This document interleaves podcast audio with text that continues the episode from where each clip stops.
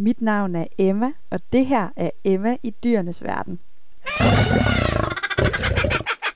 Det bliver køligere og køligere udenfor, så nu er der ikke ret længe til, at der er mange forskellige dyr, der begynder at finde sig til rette i deres vinterhi. I dag der skal vi snakke om to meget forskellige dyr, der går i vinterhi. Men før vi snakker om dem, synes jeg lige kort, vi skal snakke lidt om, hvad det egentlig betyder at gå i vinterhi. Når vi rammer de koldere måneder, kan det godt blive en anelse svært for mange dyr at klare sig. Det kan både skyldes, at de har svært ved at holde varmen, eller at det er svært for dem at finde mad. Og så kan det være en god idé at gå i hi for at spare på energien, indtil det bliver forår igen. I løbet af et vinterhi går dyrene i en slags dvaletilstand, og så er det for eksempel ved hjælp af deres fedtdepoter, at de klarer sig hele dvalen. Men det her med dvale og vinterhi er ikke helt ensbetydende med, at man bare sover hele vinteren væk. Hvis dyrene har mad nok eller har tyk nok pels, så kan de nemlig faktisk godt finde på at være vågne enten hele eller større dele af hele dvaleperioden. Til gengæld er de vågne dyr ikke helt lige så aktive i løbet af den her sæson, hvor de normaltvis vil være i dvale, som når det er forår og sommer, og temperaturen den er lidt højere. Og så ved vi måske lidt mere om, hvad vinterhi egentlig er. Så skal vi ikke begynde at sludre lidt om et par af de mange dyr, der går i hi. Jeg har i hvert fald forberedt to meget forskellige dyr til os i dag, og vi ligger altså ud med et dyr, man måske ikke lige forventer eller tænker på, som det allerførste dyr, man skulle tro går i hi. Dagens første dyr er nemlig en skildpadde. Så er det selvfølgelig ikke bare en hvilken som helst skildpadde. Den hedder en æskeskildpadde, og den har selvfølgelig fået sit navn, fordi den faktisk er i stand til at lukke sit skjold helt, som var det en lille æske med skildpadden indeni. Egentlig er der mange, der holder æskeskildpadder som kæledyr, men vi skal altså snakke om dem af dem, der bor ude i den vilde natur. Ude i den vilde natur, der finder man dem for eksempel i Nordamerika og Asien, og her ser man altså, at de om vinteren går i hi, eller egentlig kalder man det skildpadder, de gør for brumation. Typisk vil skildpadderne grave sig ned i noget blød jord, der kan hjælpe dem lidt på at holde varmen, når det er blevet koldere. Og jo længere ind i dvaleperioden de kommer, jo længere ned i jorden graver de sig faktisk. Skildpadden den øh, opholder sig inde i deres skjold, hvor de ligger sig til at sove i længere perioder. Og så er det altså typisk, når de lige graver sig længere ned, eller en gang imellem, hvis de er nødt til at stå op for at få noget vand, at de ikke sover. Ellers så sover de altså stort set resten af perioden.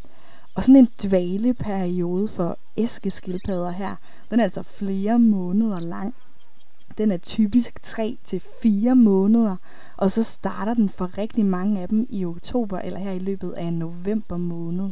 Vi snakkede lidt om før, at der er flere forskellige årsager til, at dyr de går i dvale.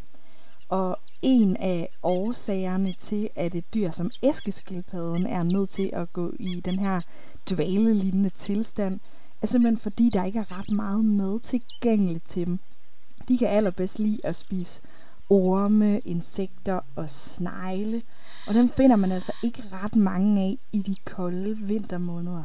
De kan også sagtens finde på at spise forskellige plantevegetation og svampe, så kosten er rimelig varieret hos skildpadderne. Men der er altså ikke rigtig noget af det, de har held med at finde en hel masse af i løbet af vinteren. Så så er det altså nemmere at grave sig ned og gå i dvale på den måde her. Selvfølgelig så taber de sig ekstremt meget i løbet af sådan en dvaleperiode her. Rigtig mange af de dyr, der er afhængige af deres fedtdepoter, de smider faktisk op mod halvdelen af hele deres kropsvægt i løbet af sådan en dvale her. Æskeskildpadden er ikke en kæmpe stor skildpadde. De plejer at have en størrelse på mellem 13 og 18 cm hen over skjoldet, og mange af dem de har rigtig flotte gule og orange aftegninger på det her skjold, der ellers øh, er brunt på resten af det. Og så ved jeg ikke, hvor mange der egentlig ved det, men skildpadder er jo i virkeligheden bygget fast inde i deres skjold. De kan altså ikke bare tage skjoldet af, ligesom Morten Skildpadde kunne i de tegnefilm, man kunne se, dengang jeg var yngre. Skjoldet på skildpadden er nemlig en del af skelettet, og deres ryggrad følger faktisk skjoldet hele vejen rundt. Men det her med at være bygget fast i skjoldet afholder sig til gengæld ikke skildpadden fra at kunne gemme sig helt væk inde i skjoldet. Og det gør de altså typisk, hvis nu der skulle komme nogen, der lige synes, at sådan en skildpadde lignede en lækker lille snack. Så kan de altså lukke skjoldet helt til, som jeg var lidt inde på i starten. Nu har vi også allerede talt lidt om, at æskeskildpadden ikke bryder sig specielt meget om, når det bliver koldt. Men mange æskeskildpadder bryder sig faktisk heller ikke om, når det bliver for varmt. Og det tænker jeg, at jeg kan slutte af med at fortælle jer en lille smule om, før vi går videre til et dyr, jeg tror er lidt mere velkendt for de fleste af os. Om sommeren, når det bliver meget varmt, er skildpadden mest aktiv om morgenen, eller i de lidt mere regnfulde perioder. Om morgenen er det typisk lidt køligere, end når vi rammer middagstid, hvor solen den typisk står allerhøjest på himlen, og det virkelig begynder at bage nede på jorden.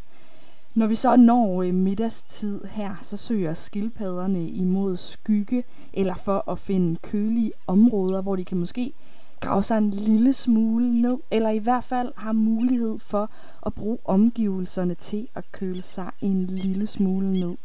Og det kender jeg altså godt fra mig selv. Jeg har heller ikke lyst til at lave specielt meget på de her meget, meget varme sommerdage, vi en gang imellem oplever herhjemme. Så jeg har altså også allermest lyst til at sætte mig i skyggen med en kold cola, eller lige finde hen et sted, hvor jeg kan køle af, for eksempel med en lille dukkert. Æskeskildpadden er nemlig lidt sådan en slags sumpskildpadde, der opholder sig en gang imellem i nogle af de her lidt fugtige områder, og de kan altså sagtens klare sig både øh, ved at svømme rundt i vandet og også øh, op på landjorden. Vi hopper videre til et stikkende dyr, jeg tror rigtig mange af os har mødt herhjemme. Måske endda ude i vores egne haver. Vi skal nemlig snakke lidt om pindsvin.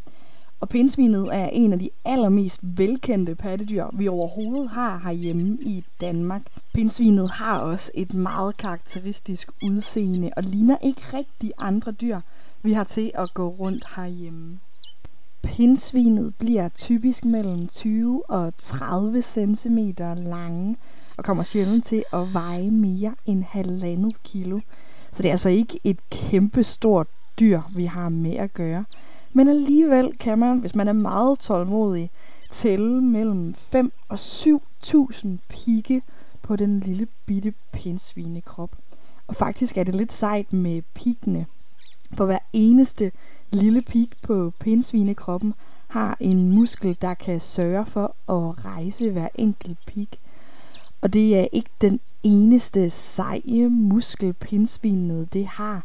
De har nemlig også en helt særlig muskel, der gør, at pindsvinet er i stand til at rulle sig sammen til en kugle. Så man måske har set det nogle gange, når man prøver at flytte et pindsvin, som har forvildet sig ud midt på vejen, eller som er kommet lidt på afveje hjemme i haven. Vi finder pindsvin rigtig mange steder rundt omkring i Danmark, faktisk i hele landet. Det er altså særligt øh, i skove eller på marker, eller som med haverne, jeg har nævnt et par gange. Fælles for alle de her steder er, at det om vinteren bliver rigtig svært for pindsvinet at finde noget at spise. For lidt ligesom øh, med æskeskildpadden, så deler de altså nogle livretter, og de er altså ikke at finde, når først sneen den begynder at falde. Pinsvin, de elsker at spise både regnorme, biller, tusindben, larver, æderkopper og snegle. Så der er jo nok livretter at vælge mellem. Og de her livretter sørger altså for at bygge fedtdepoterne rigtig godt op hos pindsvinet, inden de rammer dvaleperioden. Nu springer vi lige kort til noget om os mennesker. Typisk så øh, ligger vores kropstemperatur jo på omkring 37 grader. I dvaleperioden her, så gør pindsvinet noget, jeg synes er ret vildt. For kropstemperaturen hos pindsvin, den bliver sunket til omkring ja, sådan mellem 2 og 6 grader. Og det er altså ikke det eneste, de sænker i løbet af dvaleperioden. For åndedrættet, det bliver altså også sunket, og de kan faktisk også godt stoppe åndedrættet i øh, kortere perioder af gangen. Det synes jeg er ret imponerende. I løbet af dvaleperioden vågner de op en gang om ugen eller hver 14. dag og øger kort deres stofskifte et par timer, før de altså øh, sænker kropstemperaturen og åndedrættet til de her øh, 2-6 grader igen og fortsætter deres dvale. I løbet af dvaleperioden, så taber pinsvinet sig altså også en stor del. Så det er virkelig vigtigt for dem at have fået opbygget nogle gode fedtdepoter, de altså kan tage lidt fra i løbet af den her periode. For faktisk så er dvaleperioden utrolig lang for pindsvin. Den varer altså typisk et halvt år. Så det er hele vinterhalvåret, pindsvinet det er i dvale. Om sommeren bevæger de sig til gengæld livligt rundt omkring, så snart vi rammer skumringstid, og så til langt ud på natten. Pindsvin er ikke specielt aktive i løbet af dagen. Der ligger de for det meste og sover. Selvom man virkelig skulle tro, de var veludvilede i maj måned, når de står op efter at have sovet det sidste halve år. Pindsvin er solitære, der jo, som vi har været inde på, øh, faktisk allerede i sidste uge, betyder, at de bedst kan lide at bo alene. Godt nok så er pindsvin ikke helt lige så hissige som pygmæspidsmusen, vi snakkede om i sidste uge. Pindsvin kan nemlig sagtens tolerere, at der bevæger sig andre pindsvin rundt lige i nærheden øh, af det territorie, eller faktisk også inde på det territorie, pindsvinet det selv bor på. Alligevel så øh, bruger de lidt tid på at markere sig øh, rundt omkring på det område, de bedst kan lide at bevæge sig rundt i. Og det gør de altså med deres tis for lige at fortælle de andre fremmede pindsvin, Hallo, jeg er altså lige her. Lad være med at stikke næsen for langt ind forbi. Det er altså mig, der bor her. Du må lige finde dit eget sted. Så synes jeg, at vi skal slutte af med at tale lidt om pindsvinets unger. Og de her unger, dem kalder man faktisk for grise. Det synes jeg er sådan lidt skægt. Og sådan lidt ligesom med rigtige grise eller svin, som vi måske kender det fra landbruget, så øh, kalder man for eksempel også en pindsvine han for en orne. Så øh, der er altså lidt sammenhæng der. Nå, men ungerne hos de her pindsvin, de er lidt specielle, og jeg tænker, at ved første tanke kan man måske ikke forestille sig, at det skulle være synderligt rart at føde en pindsvineunge, der skulle have kroppen fuld af pigge. Og jeg tror helt bestemt heller ikke, at det er særlig behageligt.